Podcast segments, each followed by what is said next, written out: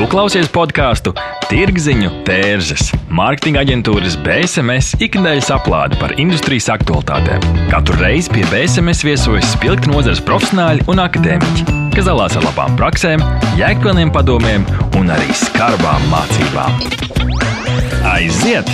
Šodien Tirziņu tērzes studijā Inta Buša un Denis Ševeļovs. Šodien mēs svinam mūsu aplādes 30. epizodes iznākšanu. Līdz šim esam izrunājuši ar aicinātiem viesiem, spilgtiem industrijas profesionāļiem, vairākas tēmas, no stratēģiem līdz konkrētiem veiksmīgiem taktiskiem risinājumiem.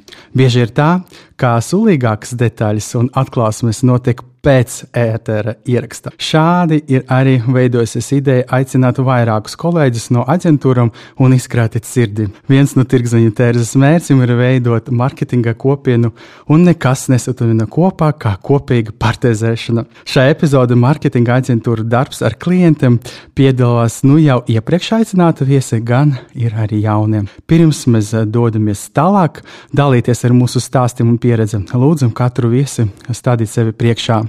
Čau, mani sauc Ilze. Um, PR strādāju um, vairāk kā desmit gadus. Esmu strādājusi gan in-house, gan ārhausā, un visādos hausos, un arī tā skaitā gan saimā arī esmu pastrādājusi. Bet um, pašlaik, um, pašlaik strādāju freelancā. Ļoti izbaudu šo dzīvi. Darba ir ļoti daudz, un viss forši un viss notiek. Sveiciens visiem! Esmu Aija Veidu, ka man ir uzkrāta līdzīgi kā Ilze arī div, vismaz desmit gadu pieredze komunikācijas un mārketinga jomā arī. Un esmu strādājis kopā saskaita vismaz ar 30 dažādiem zīmoliem. Un šodien es pievienojos no Nīderlandes, kur attīst ideju par personīgā zīmola pakalpojumu sniegšanu profesionāļiem un mazo uzņēmumu vadītājiem. Čau, čau visiem! Uh, mani sauc Katānija Ročāna. Es esmu digitālā satura mārketinga cilvēks, vadu aģentūru un pašlaik sveicinu visus no jūrmalas. Laura. Sveiki, esmu PR un mārketinga komunikācija aģentūras market vadītāja nu jau 11 gadus kopš tapšanas brīža. Un, uh, līdz tam uh, esmu strādājusi arī uh, klientu pusē, bijusi gan Filipa Moris, uh, gan arī desmit gadus, un, uh, un arī sportlānu strādājot ar lielajiem sporta zīmoliem un uh, lifestyle brandiem. Un, uh, šobrīd mēs esam izteikti fokusējušies uz influenceru un uh, PR komunikāciju veidošanu mūsu klientiem. Mūsu klientu vidū ir uh, gan starptautiski, gan uh, vietējie zīmoli. Tā kā tā tas īsumā. Sveiciens, esmu Laima Zēmele. Šobrīd esmu Golena Rīga vadītāja, kas ir sabiedrisko attiecību aģentūra. Labākā Baltijā šogad atzīta Mītenlinks konkursā, līdz ar to lepojamies ar daudz dažādiem panākumiem, gan Ehm, korporatīvajā komunikācijā, iekšējo komunikācijas projektu vadībā, influenceru komunikācijā, sociālo tīklu uzturēšanā un arī lobēšanas pro projektu vadībā. Līdz ar to tā pieredze ir diezgan plaša. Man personīgi arī es varu pievienoties klubiņam 10, plus, pieredze PR nozarē dažādos amatos, gan PR aģentūrā, mēdīja aģentūrā, in-house finanšu nozarē, paralēli vēl arī nodarbojos ar biznesa coachingu, līdz ar to daudz dažādas pieredzes. Lieliski, mums tiešām ir ļoti interesanti šodien viesi. Jau var ar smīnu redzēt, ka ir tomēr kaut kādi interesanti stāstīņi. Pat desmit gadi tomēr ir laiks, kad varētu izbaudīt pilnīgi visu spektru. Un ar šo arī sāksim. Jā, lai tiešām pārbaudītu un uh, saprastu, kāda ir tā mūsu pieredze un kādas ir tās varbūt tipiskās situācijas, ja tā saucamās teikas un nostāsti, uh, mēs esam sagatavojuši tādu nelielu uzdevumu. Uh, procedūra pavisam vienkārši. Mēs nolasām situāciju, uh, starp citu mūsu klausītājiem mēs šo sazvanu organizējam Zoomā, un tad attiecīgi ar reakcijas pogām uh, visi mēs balsojam, vai mums šā šāda situācija ir vai nav bijusi. Mēs saskaitām balsis, izveidojam kaut kādu statistiku, un, ja kāds vēlas izteikties, tad droši padalieties ar savu stāstu. Tas būs septiņas pavisam vienkāršas situācijas iz dzīves, ko mēs esam dzirdējuši no mūsu sadarbības partneriem arī no un pēc epizodi, pēc epizodu ierakstiem, kā jau mēs minējām aizkadros visu kaut ko var dzirdēt. Tā kā uh, droši dalāmies un uh, balsojiet. Pirmā situācija ir sekojoša. Klients prasa septiņas darba versijas, bet atgriežas pie piedāvātā oriģināla. Vai jums tā ir vai nav bijis? Kopā mēs esam septiņi, četriem no septiņiem tā ir bijis. Nākošā situācija. Klients neapstiprina piedāvājumu un pats realizē kampaņu vai radošo risinājumu. Ok, šis jau ir, šis jau ir wow, wow. Principā gandrīz visiem ir tā, izņemot vienu, tikai tā ir bijis. Vai kāds vēlas padalīties ar kaut kādu tādu mm, piedzīvojumu, vai tas ir bijis nesen, vai tas ir jau bijis senāk, vai jūs redzat, ka šis joprojām ir aktuāli arī šodien un pēdējos gados, vai varbūt tas ir kaut kad senāk bijis? Laura. Varbūt neiedziļinoties detaļās un sīkumos, bet uh, mēs esam atklājuši jau nedaudz tādu klientu profilu, kuriem ir tendence uz, uh, uz, uz šāda veida teiksim, uh, rīcību. Līdz ar to mums jau ir tagad taktikas uh, izveidotas. Bieži vien tās ir tāmas, pēc kuru saskaņošanas mēs tikai izstrādājam, piedāvājam, vai arī tas ir uh, līguma saistības kaut kādas, vai kaut kāda jau pilnīgi intuitīva nojausma, ka uz kaut ko tādu tas varētu vilkt. Bet, Uh, tik tiešām, pareizi teica, desmit plus uh, gadu pieredze ir tas laiks, lai varētu par šādām uh, ar to saskarties un atrast jau kaut kāds risinājums, kā, to, nu, kā, kā ar to jau nu, kā apkarot, kā cīnīties. Laura, padalies, kāds ir tas profils? Nereti tie ir mazie, vidējie biznesi, kas ir tapuši Latvijā, jo nav iekšējā biznesa ētika atstrādāta. Jo jāteic, ka uh, internacionālajiem zīmoliem vai tiem, teiksim, kas ir tādi ar, ar lielu zināmu reputāciju tirgu, viņi īsti nevar atļauties, uh, nu, vismaz tāds iespējas, ka nevar atļauties šādu veidu taktiku. Un uh, nepavēlti bieži vien tieši lielie zīmoli, tie, kas paši jau nāk klajā uzreiz ar uh, piedāvājumu, ka vispirms mēs saskaņojam tām, un tikai tad mēs sākam strādāt pie kaut kādiem radošiem risinājumiem. Uh, Uh, bet, uh, jā, tik tiešām, nu, jāteic, ka Latvijas uzņēmumiem tas ir diezgan raksturīgi un, un, un, un ar izteikti tādu Latvijas vadību. Mm -hmm. Es skatos, ka tu arī pacēlusi roku, vai tev ir kaut kas piebilstams, um, kaut kāda arī situācija bijusi, ko tu atceries? Jā, man ir īstenībā diezgan nesenas arī situācijas, kad ir tā, kad vienā brīdī uh, Kaut kas noteikti varbūt ārējā vidē ir kaut kādi sliktāki rezultāti vai, vai, vai pacēlies, nu kā piemēram reklāmā, um, tas cena par klikšķi un tā tālāk, un tad klientam tāds, nē, es visu darīšu pats. Bet tad paiet kaut kāds laiks, un tad ir jautājums, kā var uztaisīt tā banerīti? Un tad ir kaut kāds atkal, paiet kaut kāds klusumiņš, un tad ir tā, vai jūs varētu tur mums atsūtīt tās pieejas, kā jūs tur tās reklāmas likāt? Un tad atkal paiet kaut kāds laiciņš, vai jūs mums tur varētu šo to uztaisīt? Un es skatos, ka jau mēnesis paiet divi mēneši, tā kā nekas priekšā nekustās, tik pa laikam kaut kāds jautājums, kā tad to tā īsti dara?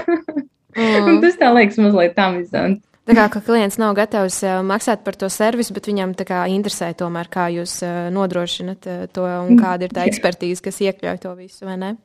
Laima? Jā, mūsu gadījumā šobrīd man šķiet tas populārākais virziens, kurā ir šie pieprasījumi, ir influenceru virziens, kura vienmēr saka, bet ja jūs mums nenosauksiet to influenceru, tad mūsu valde nevar pieņemt lēmumu par sadarbību ar jums. Uh, un, un, un uh, arī, kā tad mēs nopirksim jūsu pakalpojumu, ja mēs nezinām, uh, kā jūs risināsiet mūsu problēmu? dažādiem piedāvājumiem. Vai arī mēs vienkārši pēc tam follow-up pa, pa, pamanām kaut kādus piedāvājumus noprezentētus sociālo tīklu kampaņām visbiežāk. Ļoti līdzīgus risinājumus. Protams, viņi ir adaptēti, bet tajā pašā laikā mēs zinām, ka tās kampaņas ir piedāvātas no mūsu puses. Uh, Mēs nevaram to autorību uzņemties, jo idejas jau virmo gaisā, bet, eh, bet nu, tās aizdomas dažkārt uh, rodās. Mm -hmm. Man ir tāds jautājums, vispār es zinu, ka ir tāds klasisks piemērs, ir tāda sieviete, Karla Oto. Viņa specializējas modes PR, viņa principā nodrošina mediju attiecības visiem pasaules vadošiem modes dizaineriem.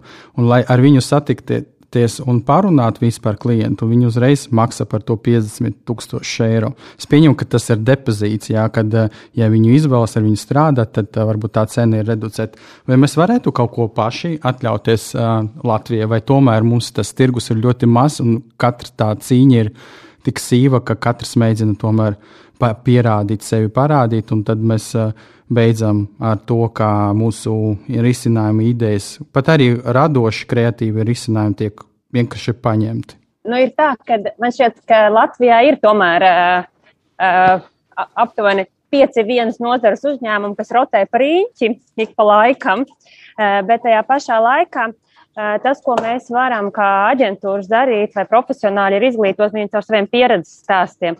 Un to jau man šķiet vairāk vai mazāk jau nozare dara un pašsakārtojās, jo jautājums par autortiesībām ļoti ilgu laiku nav bijis sakārtots. Un mēs neuzskatījām savu radošo risinājumu kā autortiesību objektu. Līdz ar to tad paši pieļāvām to situāciju, ka, no mums, ka, ka mūs izmanto ideju savākšanai. Bet tajā pašā laikā nu, kaut kādā āķī jau mums jāievāk, lai parādītu, ka mēs esam tie labākie un ka mēs spējam radīt tos risinājumus, kas palīdzēs konkrētajam biznesam un parāda to mūsu izpratni par eh, viņu biznesu. Jo klientam jau ir svarīgi, ka mēs radām viņiem pievienoto vērtību. Aiva? Jā, es gribēju papildināt to, ka. Uh, Sabiedrisko attiecību nozarē, varbūt atšķirībā no reklāmas industrijas nozares, nav pieņemts uh, prasīt samaksu par ideju konceptu radīšanu.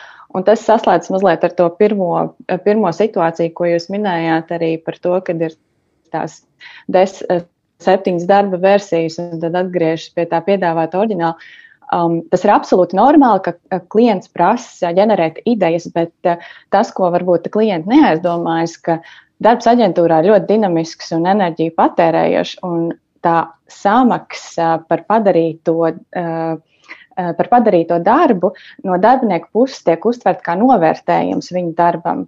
Teiksim, tāda vienkārša ģenerē, ideja ģenerēšana bez rezultātu. Bieži vien tās kampaņas arī netiek īstenotas, jo tikai tiek radīti jauni koncepti. Tas rezultējas vienkārši kolēģu, teiksim, izmocīti kolēģi un, un, un, un, jā, un pilnīgi absolūti tā kā varbūt lielisks idejas, kas palikušas nerealizētas. Jā, tā kā ir, ir potenciāls, bet manuprāt, ka tagad varbūt arī labo situācija uzlabojas un, un ir normāli arī likt tāmēs, kad par radošo konceptu izstrādi. Tikai, protams, kad iepriekš vienojoties varbūt arī par cik daudz idejas tiek radītas. Pirms mēs ejam pie trešās situācijas, Laura, Tu vēlēsies kaut ko papildināt? Jā, es varu īstenībā piekrist Aivai. Mums pat aģentūrā ir bijušas situācijas, ka mēs ar darbiniekiem esam vienojušies, ka lūk, šis projekts vai šis klients būs tas case, kurā mēs esam ar mieru, nu, respektīvi, vai no aģentūra ir ar mieru nosakt savu darbinieku izmaksas, uz tā rēķina, ka mēs piedalāmies vai nu pitčā, vai arī mēs apzināmies, ka ir risks, ka klients var, teiksim, nepiekrist, atteikties vai kaut ko mainīt. Bet mēs tiešām veicam tādu diezgan rūpīgu, nu, teiksim, gan izpēti, gan arī tādas pārdomas. Pirms mēs to darām, un pēdējā laikā mēs tomēr arvien mazāk iesaistamies šādos riskantos, es uzskatu, riskantos pasākumos, jo pareizi Aiva saka, mums arī ir bijuši gadījumi, kad ir rezultējies uh, izdegušos darbiniekos, kas beigās paliek ar tādu tā kā frustrācijas sajūtu sevi un mm, kā aģentūras vadītāja un arī kā galvenajam, teiksim, projektu vadītājam, man arī ir diezgan grūti pēc tam motivēt atkal kaut kādā tādā avantūrā iesaistīties vēlreiz. Tā kā, nu, tur ir jāizvērtē. Jā, ok, ejam tālāk pie trešās situācijas, un tad atgriežamies vēl pie šiem emocionālajiem jautājumiem. Trešā situācija ir sekojoša, manuprāt, ļoti aktuāla arī dēļ GDPR. Klients atsūta e-pastu ar konfidencionālu informāciju, kas nav domāta tev. Vai jums tā ir bijis? Tā, mēs esam septiņi, un četriem tā ir bijis. Varbūt Aiva, Aiva vēlēs nokomentēt, un tad ne, nevēlēs. Labi, ejam tālāk pie ceturtās situācijas. Klients vēlas rebranding kampaņu vai kaut kādu citu milzīgu projektu, bet uh, viņam ir budžets uh, 5000, pieņemsim. Tā, septi, no septiņiem cilvēkiem trīs, četri, četriem tā ir bijis. Kā jūs izskaidrot šo jautājumu, kad uh, klienti nespēja adekvāti novērtēt, cik uh, attiecīgi tas varētu maksāt? Ilze. Es to skaidroju ar to, ka mm, izteiktais vārds tā nav baltmaize. Tas nav plaukts, tā nav nekāda cita fiziska lieta. Tu viņu nevari paņemt rokās, un tu nevari viņam izmērīt to vērtību. Klients uh, varbūt nesaprot, uh, cik liels tās ir pieredze nepieciešama profesionālā kontakta un viss pārējais, kas tev ļauj nonākt līdz tam punktam, kur tu vari, piemēram, piezvanīt žurnālistam un sarunāt kaut kādu publikāciju vai ierosināt sižetu. Jo tas liekas, nu kas tur tāds ir, tu vienkārši paņem telefonu un piezvan. Nu, par ko man tur maksā tur 150 eiro? Tāpēc, tā, tā nav taustām lieta un ir ļoti grūti noteikt to vērtību. Tā, tā, tā, ir, tā ir mana versija. Jā, un laikam jau arī tā katram cilvēkam tā personīgā izpratne par to, kas vai ir vai nav vērtīgs, arī ir ļoti subjektīva. Un bieži tā, tā izpratne par to vērtību vispirms tiek projicēta no paša cilvēka. Es gribētu šeit papildināt, manuprāt, tas ir viņš arī saistīts ar paša pasūtītāja vai viņa pārstāvēt uh, cilvēka pieredzi, cik viņš ir ilgi industrija. Uh, pēc manām novērojumiem, jā, ir pretī ir labs partneris, kurš zina no, saprot no biznesa, atrodas tajā ļoti ilgi, tad viņi parasti vispār nav nekādu jautājumu par tāmēm un pozīcijām, un viņi nesagaida kaut kādus lielus rezultātus par mazu naudu. Bet arī, protams, ir kaut kādi specifiski, es teiktu, kā varbūt ekspektācijas par mūsu Latvijas tirgus cenām ir no ārzemēm. Ja īpaši pasūtītāji ir no Lietuvas no vai Polijas, kaut kā viņam tur cits pricings ir. Tad reizēm tur vajadzēja cīnīties, un tad toreiz sen, sen man bija tas viens ļoti īpašs, īpatnējs klients no Polijas. Tad tā menedžera nevarēja saprast, kāpēc cenas Latvijā ir tik lielas, dārgākas nekā pie viņa Polija. Mums grūti ilgi stā, stāstīja. Pēc tam atceros par tādu lielisko Big Mac indeksu. Un, Tas bija pēdējais, kas viņu pārliecināja, ka viņi saprata, ka viņam Big Mac polija maksā krietni lētāk nekā mums Latvijā. Laura, ko vēlēs papildināt? Nu, jā, es Denisam, Denis pilnīgi izņēma vārdus no mutes par to, ka tas mm, ir saistīts bieži vien ar klienta pieredzi vai nepieredzi.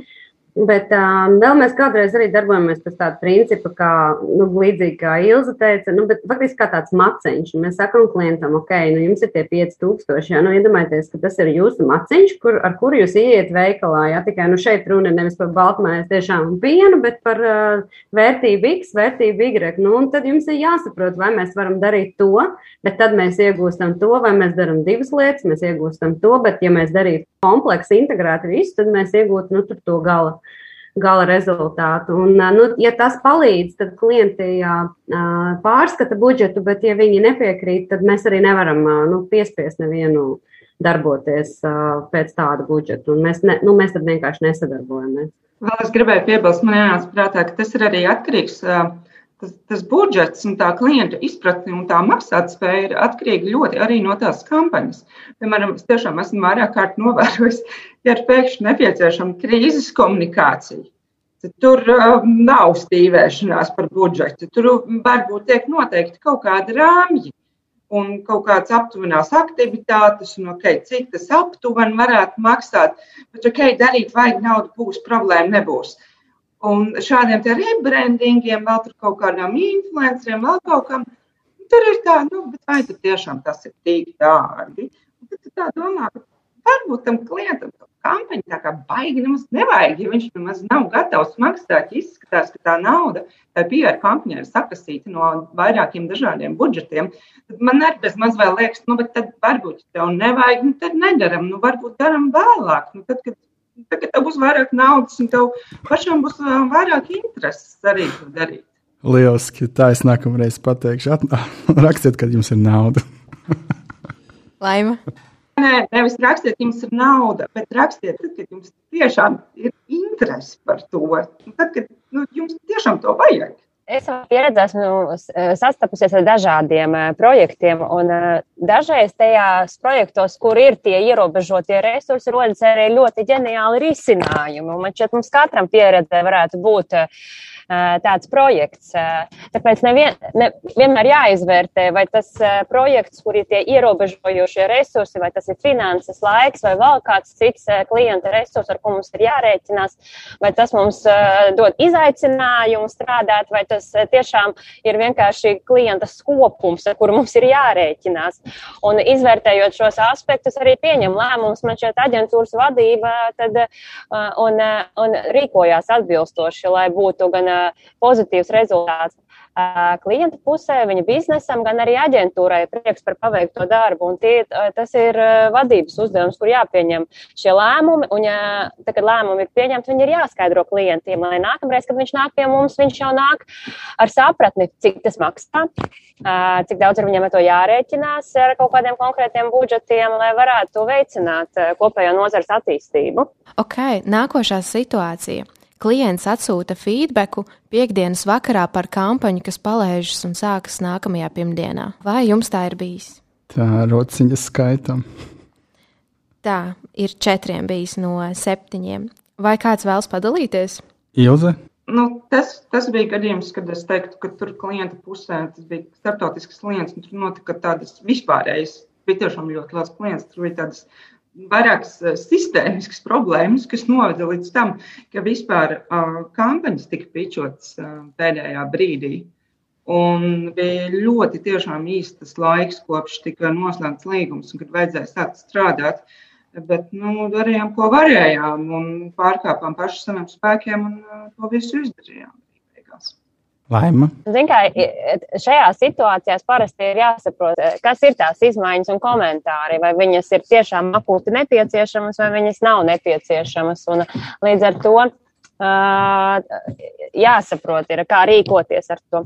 Jo tas, ko man gribās vienmēr darīt savās projektos un savos klientu darbos, un ko es arī vienmēr mācu, uh, aicinu savus kolēģus, uh, nu, domāt no tā, ka Mēs esam klientu vadītāji, mēs pieņemam lēmumus, jo mums kā aģentūrai jāpieņem ir labākie risinājumi, mums atbild, uzņemamies atbildību par to, kā iet uz priekšu.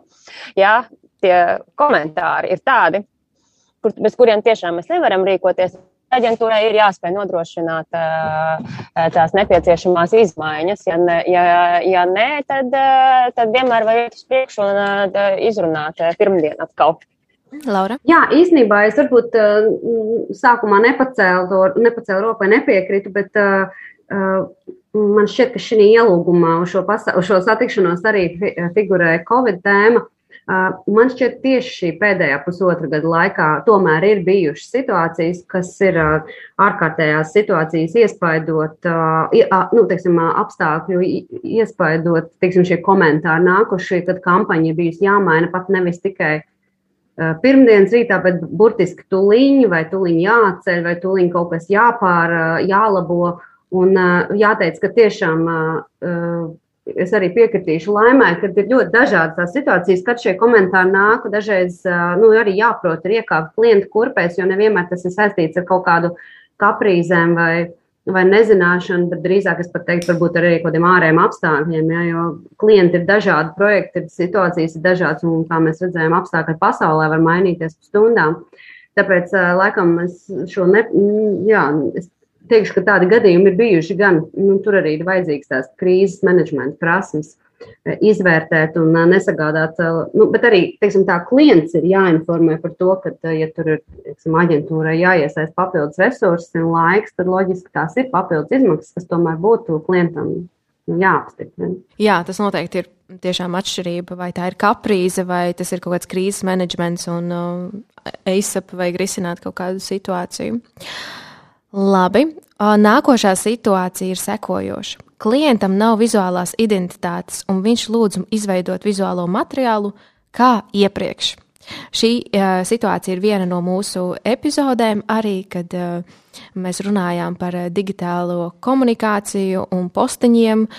Nu, nav nekādas identitātes, bet nu, vienkārši uztaisat tā kā iepriekšējo. Vai jums tā ir bijis? Kā te? Jā, protams, ka tā ir bijis. Un uh, jāsaka, ne reizi viena.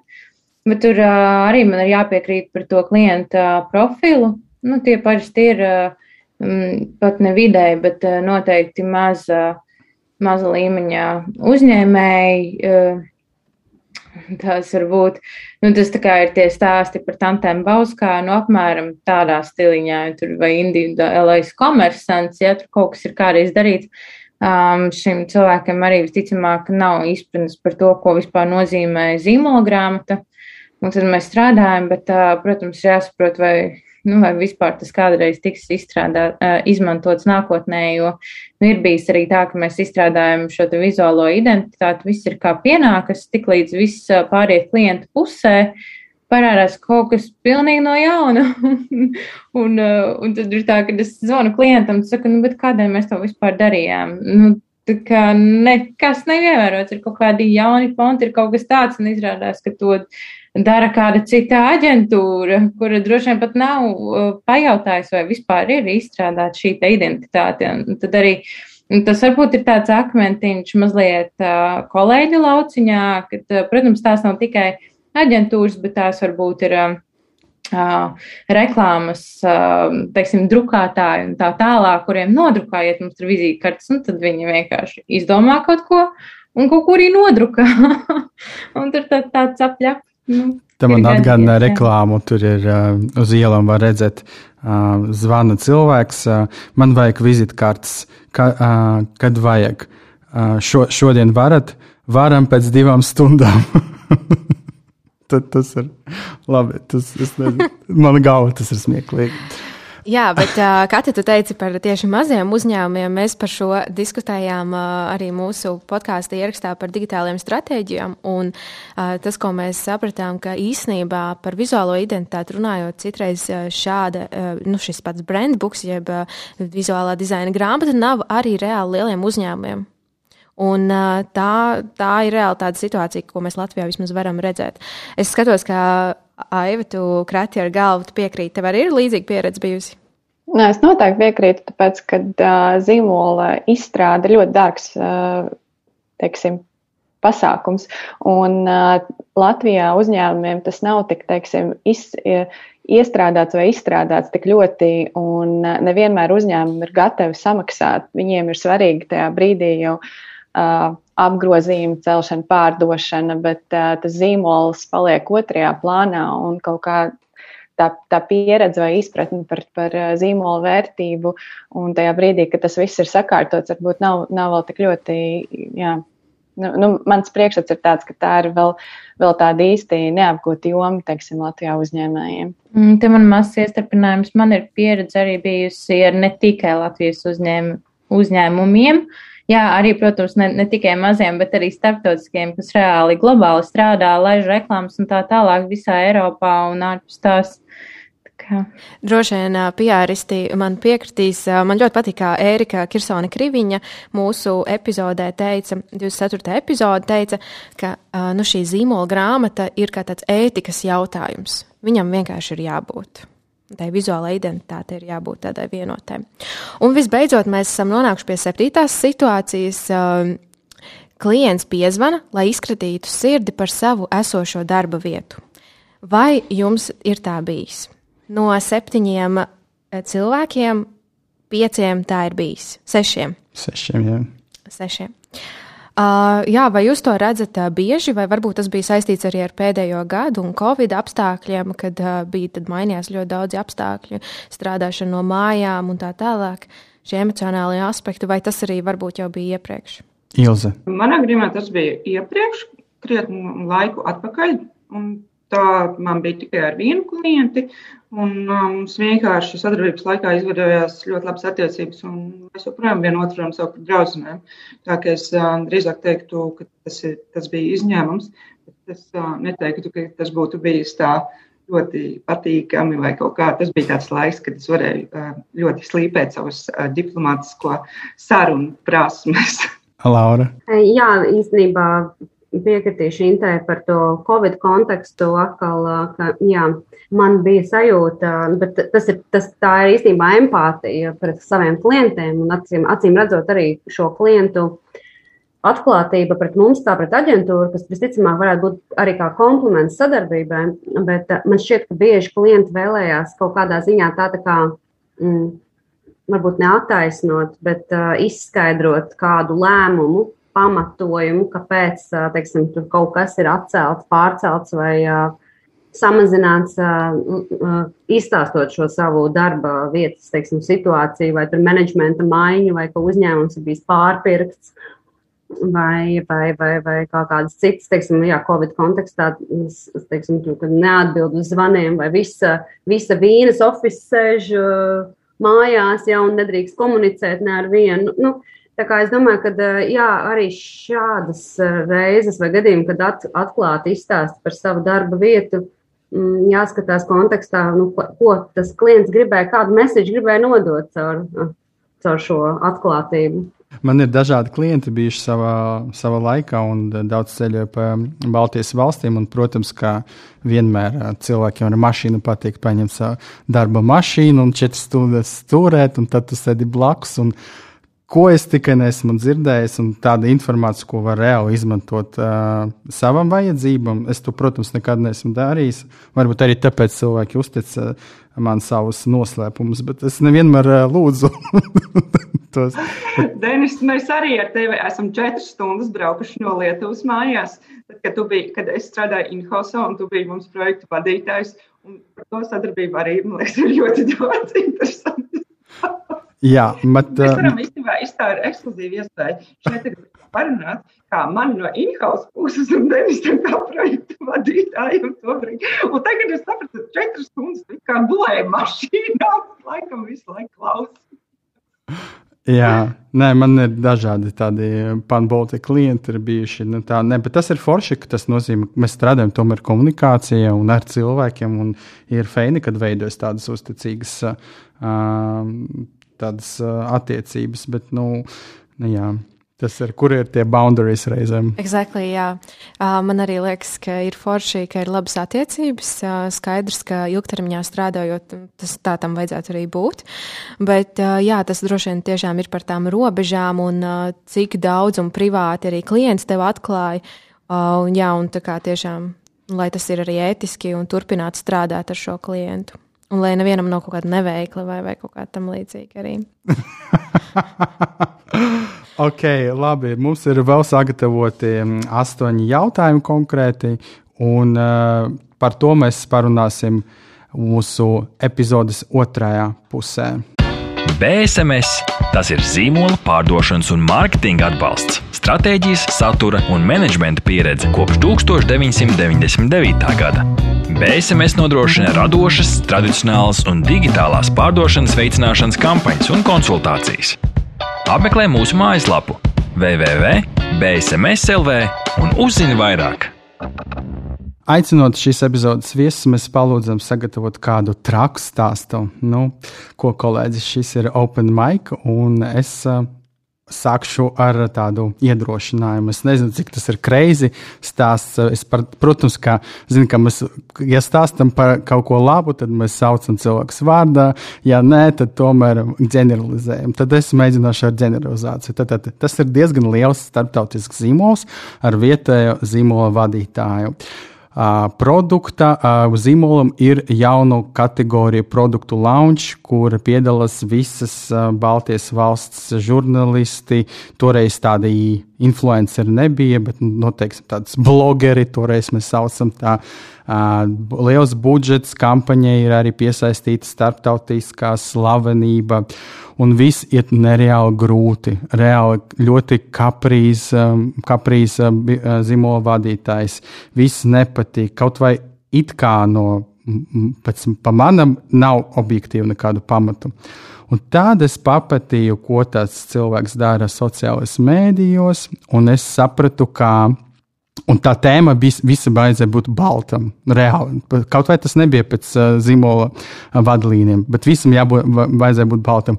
Un tad es sapratu, ka šīs zīmola vadītājs mēģina kaut kā revanšēt un īstenot uh, ar zīmola starpniecību savus uh, sapņu kāzas.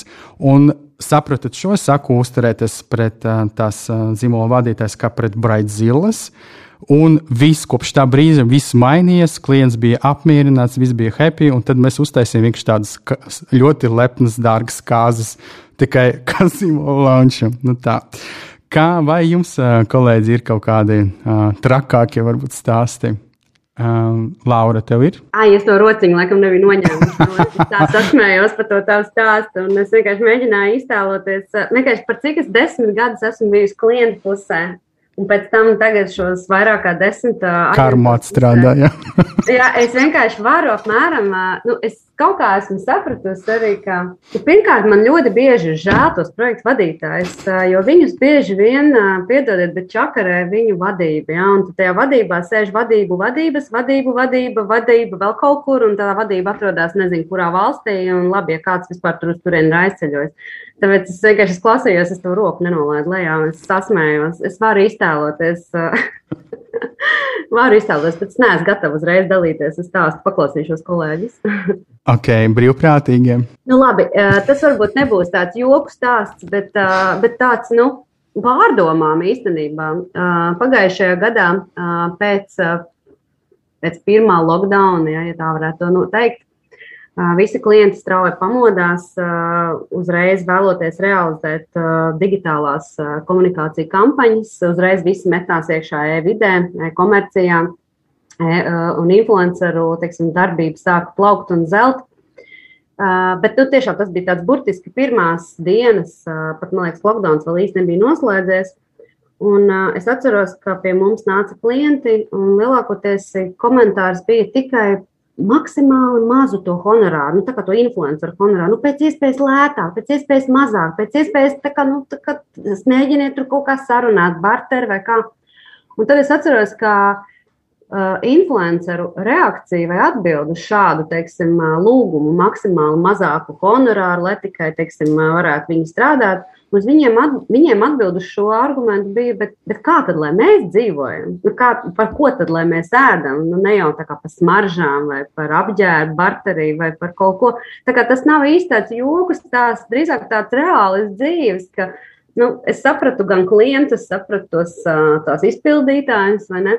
Bet nu, tie apstākļi bija tādi, kuros, kuros kuros bija grūti prasīt kaut ko no tās trešās puses, ko tu īsti nevari no viņiem sagaidīt, no tāda ētiskā viedokļa. Bet nu, tas nepretendē uz tādu joku stāstu, vai ne, Denis? Nē, tas ir tā kā bēdas stāsts. Jā, īpaši tas bija interesanti gaidīt tādas pieprasījumus no nozarēm, kuriem bija lielāks pieprasījums tieši lockdownam. Mēs runājam par pārtikas uzņēmumiem, kuri tomēr nu, varēja atļauties. Tā, Bet tas ir, manuprāt, mazliet uh, cita epizodes uh, tēmats par pricing un tādām lietām. Nē, nu tēma mūsu tikšanai bija paraudam kopā. nu, tad paraudam par šo kopā. Jā, tas, tas bija interesanti, kad tiešām bija pēc tam, uh, pie tām vēl liels pieprasījums tieši pēc uh, digitāla uh, un īpaši ietekmētājiem, jo tas it kā teorija mums dod tādu iespēju uzreiz tūlītēji kaut ko nokomunicēt, tad visi zīmoli to gribēja. Un tad man arī bija tādi feedbacks no influenceriem, ka, sorry, man ir vēl citi piedāvājumi, un tad, protams, ka viņi gribētu labāku cenu. Tad, tad tur bija pats galvenais, kādas tev attiecības ir to konkrētu satura autoru, un ja tev ir kā, liels pasūtītājs, tad varbūt bija labas cenas. Tā, bet es domāju, tas arī varētu rezonēt ar uh, visiem mūsu šī, šīs epizodes viesiem. Inta, tev ir tāds stāsts kaut kāds greizi. Es uh, gatavojoties šai epizodē, par to domāju, un uh, es tā uzreiz iedomājos, ka mums ir kaut kāda vairākas situācijas tieši bijušas arī ar uh, sadarbības partneriem. Pieņemsim, uh, mums ir tāda joku mapīte iekārtot uzņēmumā, vispār visiem iesaku to darīt, uh, kur tiešām mēs uh, gadu laikā apkopojam kaut kādas situācijas, un, un uh, tur ir gan klientu kaut kādi ēpasti, ko viņi ir uzrakstījuši, vai kaut kādi klientu pieprasījumi, uzdevumi kaut ko izdarīt, uh, un tad par to, ko mēs esam iesmējuši, tad tur arī arī var mūsu kolēģi komentārus rakstīt, lasīt klāt. Un, nu, katru reizi pašķirstot ļoti jautri. Un uh, šķirsti, un tur bija viena tāda Ja mēs runājam par tādām skumjām situācijām, mums bija sadarbības partneris, um, kuram mēs bijām pasūtījuši projektu, tad uh, attiecīgi veikt uh, konkrētu uzdevumu. Mēs uh, bijām uh, tad attiecīgi norēķinājušies par šo, un viņi nejauši nevis, atsūt, nevis iesūtīja to ziņu savā iekšējā čatā darbiniekiem, bet atsūtīja mums, un tā ziņa Whatsappā bija apmēram tāda, yes, BSMS samaksāja naudu, varbūt saņemsim algas. Un, uh, un tas bija vienkārši. Mēs, mēs, protams, uzņēmām par šo bijām šokā. Mums ir tas arī saglabāts joku mapē, bet nu, tas nav nekāds joks. Tas īstenībā ir ļoti skumji. Jā, un šeit uzreiz ieteikums, protams, kā mēs ir īpaši tādi klienti, kuriem patīk komunicēt WhatsApp. Un WhatsApp var daudz ko ne tajā lodziņā, un varbūt es neesmu vienīgais tas cilvēks, ja tu kaut ko gribi pateikt tādu skarbu, un tu domāji par to, meklē, kā nu, gribi citam rakstīt, bet čatā me, messenger meklē to cilvēku vārdu. Un tad, un, Jāuzmanās, vienkārši ļoti jāuzmanās. Jā. Un tad um, es, tāds viens no trikiem vienkārši rakstīt uh, klienta nosaukums internal un klienta nosaukums external. Tad tu zināsi, kurš, kurš čats ir kurš. Uh, jā, ok, labi. Nu, uh, es arī aicinu mūsu klausītājus, uh, varbūt uh, padalīties komentāros, sociālajās medijās ar interesantiem tādiem piedzīvojumiem. Tad uh, ķersimies klāt pie praktiskas uh, nodaļas. Es gribētu lai jūs padalīties ar ieteikumiem un risinājumiem, sekojuši citēts. Kā rīkoties, ja klients nezina, ko vēlas? Kā vat novadīt šādu klientu? Laima, man šķiet, tev ir tur bagāta pieredze. Jā, jā, es gan tikko atcerējos tieši vienu joku. Arī, nu, stāsti. bet, ne, bet ne no aģentūras dzīves, bet no klienta dzīves. Esot klienta, kur es atceros, man bija iepirkums, kurā es aicināju vairākas aģentūras iesūtīt savus piedāvājumus, un tad es izvēlējos aģentūru. Un, Uh, un likās, viss baigi forši. Nu, nokomunicējām visiem partneriem, ka mēs esam izvēlējušies jau sadarbības partneri, ka paldies viņu pārējo pakalpojumu nav nepieciešami. Un pēc kāda laika es saņēmu uh, atgriezenisko saiti no savas vadības, ka viņi ir uzrunāti un nokomunicēts viņiem, ka mēs kā klients esam nozaguši viņu konceptu. Uh, un koncepts bija influenceru izmantošana komunikācijā. Uh, un, un, un šie influenceri bija e, izmantoti no grāmatām, ko mans darba devējs bija finansējis un atbalstījis, respektīvi citāti no grāmatas stāstiem. Un tam mēs jutāmies ļoti samulsuši par to, nu, kur tad tas koncepts ir nozagts. tā, tā kā, kā autorība ir tāda ļoti sensitīvs jautājums, bet dažkārt ir jā, jāpadomā kritiski, pirms mēs uh, sākam publiski bēdāties par uh, neiegūtu uh, klientu tāda mācība uh, aģentūras pusē. Un tā. Uh, bet kā vadīt uh, klientu, kurš nezina? Uh, Ko vēlas? Jā. jā, runāt ar viņu, jautāt ar viņiem. Ne, neiekāpt domāšanas veidā ka, un pieņēmumos, ka mēs zinām, ko viņam vajag. Vienkārši parunāties par tām situācijām, problēmām, kā viņiem iet ikdienā, kas ir tas, kas ir viņu izaicinājumi, kas ir tas, kas viņiem ir jārisina, kādi jautājumi. Uh, saprast, ko viņi grib panākt. Nu, tādu ļoti plašu iztaujāšanas sesiju uh, organizēt ar klientu, nevis ar mērķi uh, tagad uz sitienu radīt rezultātu, bet izprast viņu, lai varētu uh, iet atpakaļ uz aģentūru un kopīgi rast risinājumu. Uh, tā, tas man šķiet viens no svarīgākajiem uh, pirmajiem soļiem, ko darīt. Jo mēs arī, piemēram, vakardien mums bija iekšējais viens izvērtēšanas uh, uh, tikšanās uh, par pasākumu, ko mēs organizējām. Un mēs uh, atkal nonācām līdz secinājumam, ka tās ķeršanās uh, mūsu darbos rodas tad, kad mēs pieņemam, ka klients grib un ka klientam vajag. Un mēs nepārjautājam, vai mēs pareizi saprotam un sajūtam viņu. Arī tad, kad uh, viņam, viņam šķiet, ka arī viņš uzticās un viņam viss forši, viss labi. Uh, līdz ar to tā saruna ir pamats uh, sadarbībai ar aģentūru. Mm -hmm. Ļoti vērtīgs padoms parunāties, izprast visu, kas notiek klientu dzīvē, un tad uh, varbūt viņi tādā sarunā arī pateiks, ko viņi vēlas. Okay, ko darīt, kā, kad klients neusticas, ka viņš katru reizi sekundēs tavus piedāvājumus, uh, risinājumus. Tā, Il, Ilze vēl ceļ roku, sorry. Tas ir par pirmo? Nu, tas, tas ir par abiem. Kā, okay. kā rīkoties, tad, kad klients nezina, ko viņš grib drīzāk. Un tas varētu būt arī mans stāsts, ar ko es nācu šeit Tagad tas ir komisks, tolaik tas nebija.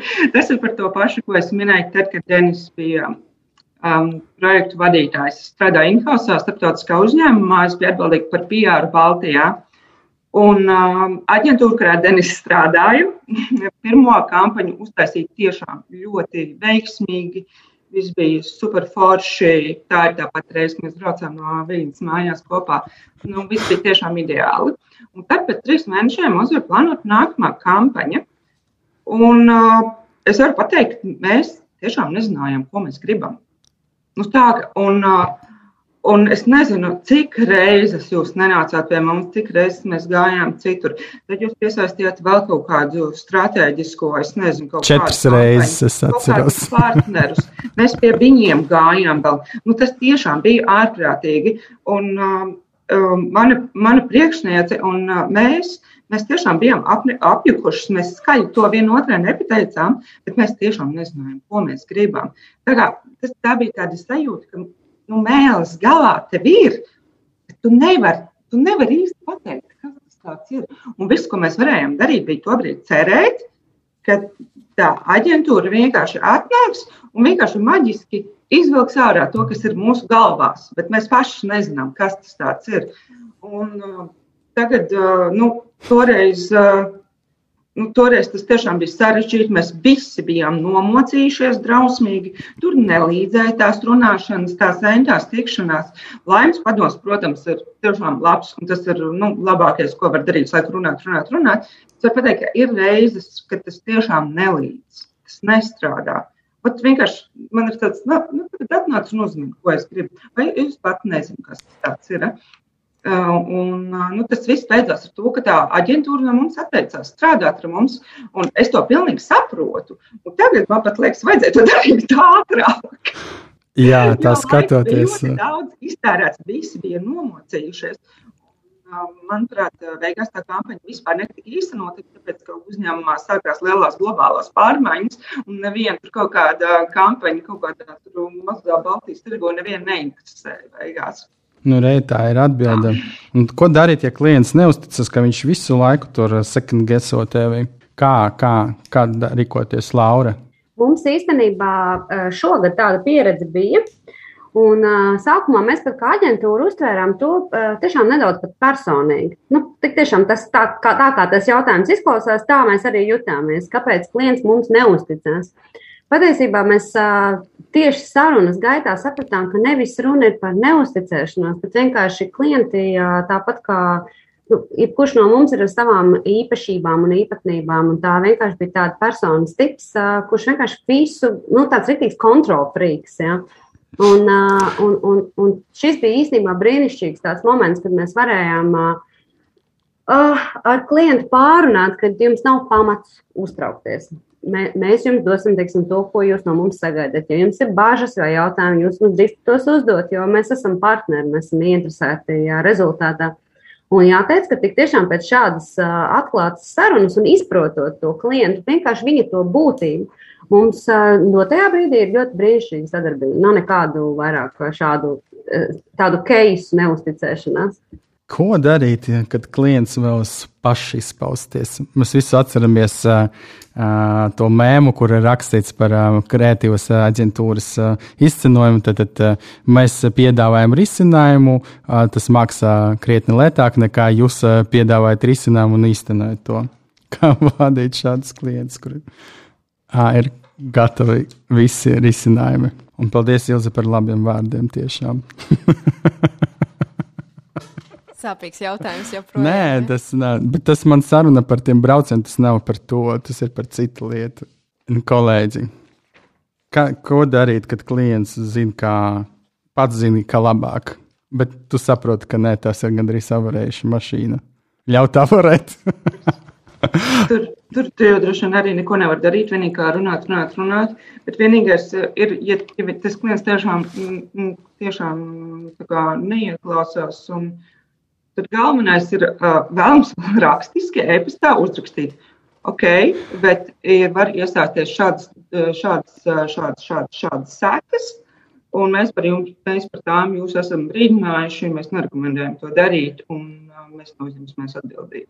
Aiva. Man bija kaut kāds sen, sen karjeras sākumā klients, kurš gribēja, lai radio reklāmu ierunā viņa sieva.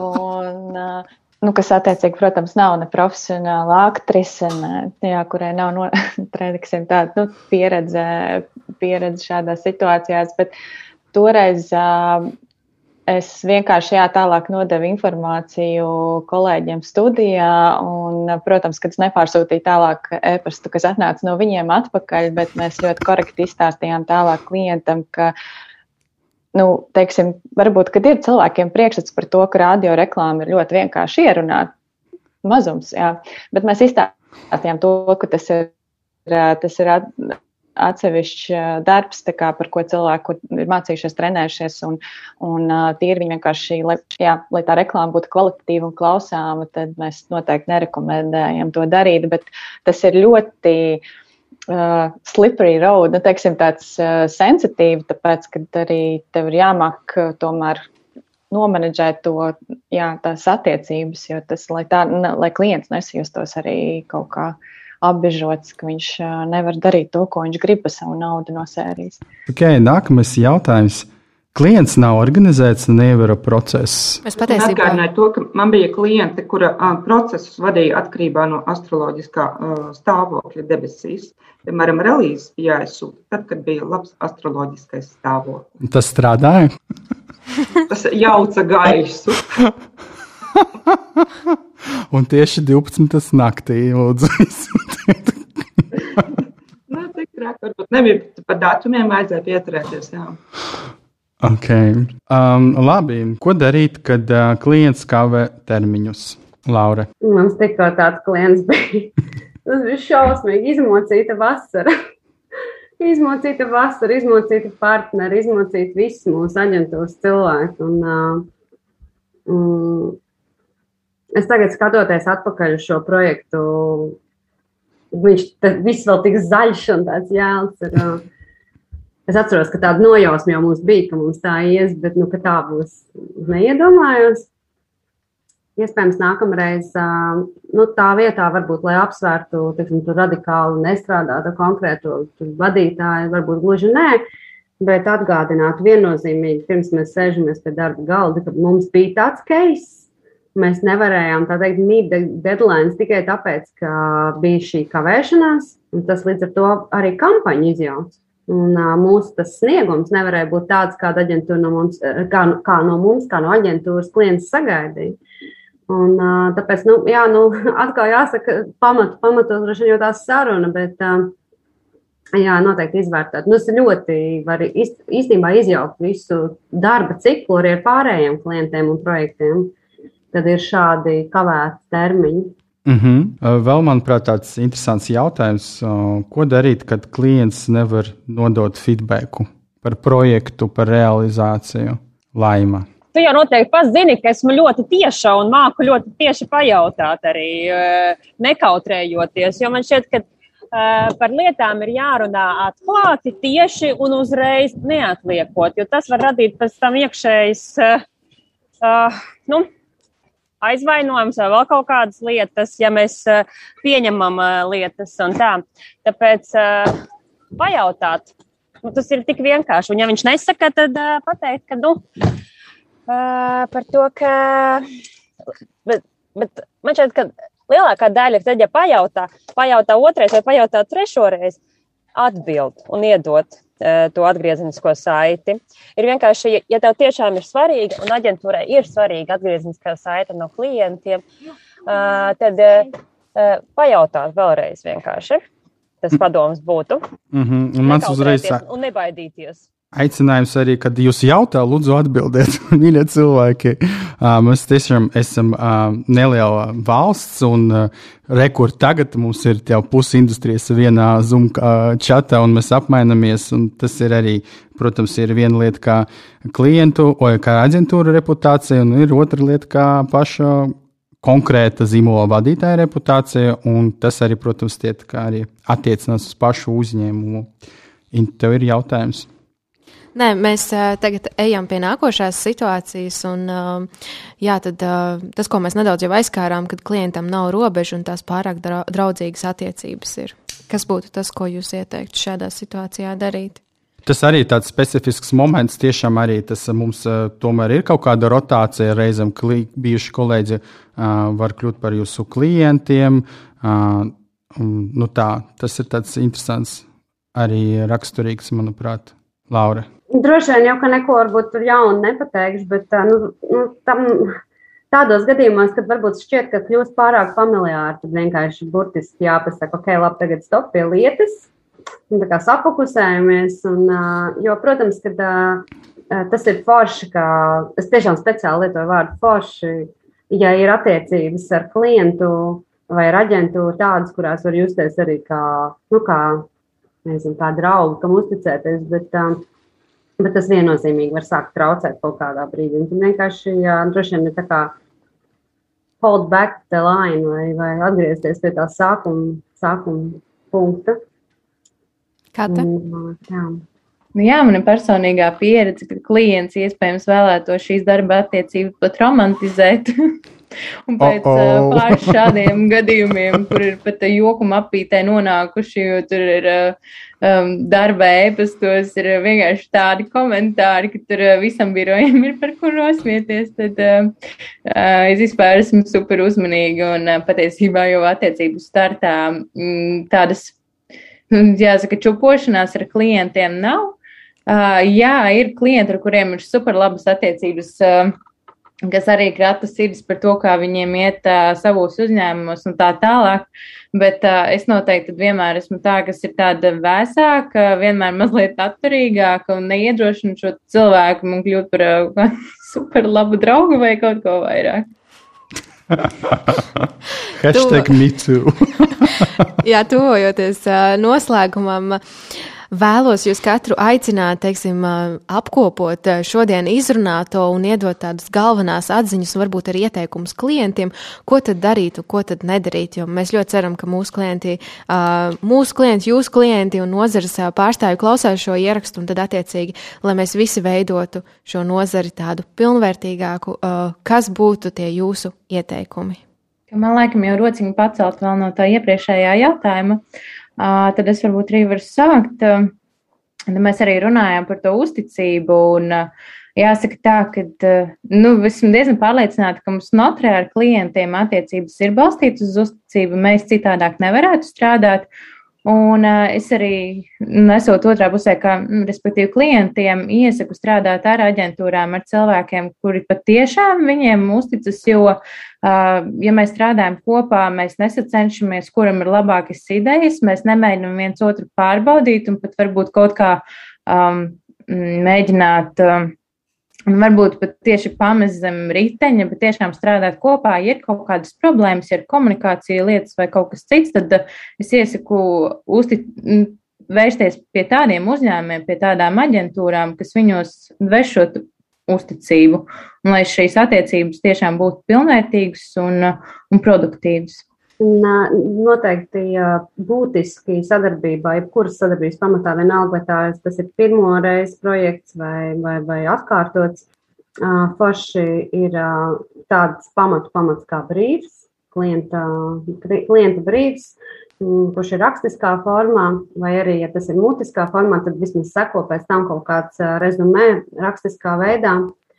Man ļoti patīk, teiksim, ka varbūt Covid ir ieviesas izmaiņas vai korekcijas šajās Zoom un cita online veida tikšanās reizēs, bet nereti ir jāatcerās, ka arī rakstītam burtam vai rakstītam vārdam ir ļoti būtisks spēks, jo nereti tajās telefona sarunās vai tikšanās reizē izrunātais var paslīdēt garām, ja tas netiek kaut kur piefiksēts. To mēs arī esam mm, klientiem atgādinājuši, ka mēģinam šo konkrēto lietu fiksēt tomēr kaut kur rakstiski, jo arī aģentūra ir tikai cilvēki. Mēs arī nevaram atcerēties absolūti visu, ko mums pasaka telefona sarunā, īpaši, ja tā telefona saruna ir, nu, pat piezvan tagad tuliņu un sāk uzreiz strauji diskutēt, um, varbūt tajā brīdī, nezinu, es ēdu pusdienas ar vienu, ar vienu roku turu, nezinu, dakšu.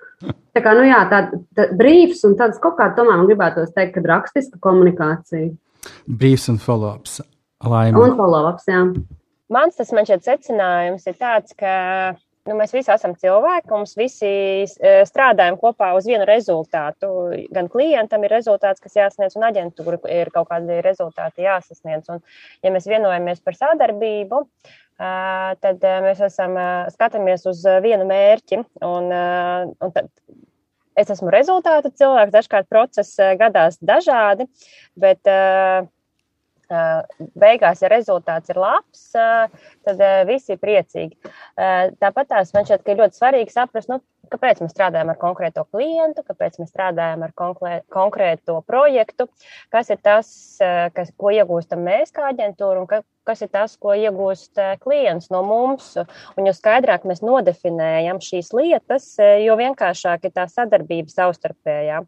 Jo Tas, kāpēc mēs darām lietas, palīdz mums darīt to labāk, kvalitatīvāk un foršāk kopā. Mēs Golēni ticam, ka sadarbība ir mūsu superspēja. Līdz ar to tā lieta ir runāt ar klientu kā ar savu partneri. Un mēs esam PR, kas ir reputācijas biznesa, uzticības biznesa. Līdz ar to Eh, bez šīm divām komponentēm mēs nemaz nevaram eh, sastrādāties. Eh, un, ja ir šī savstarpējā uzticēšanās starp partneriem, tad vienmēr būs rezultāts, kas būs abām pusēm izdevīgs. Tā. Kas saka vācieši, the good, alles good. Okay. Nākamais, nākamā Ilze. Mans tas galvenais secinājums ir tāds, ka um, darbs sabiedrisko attiecību vai mārketinga aģentūras projektu vadītājiem ar klientu. Tas dienas beigās rezult, ir, ir kā, tas, tas rezultāts ir atkarīgs no tā, kādas ir attiecības šim projektu vadītājam ar to tiešo personu klientu pusē.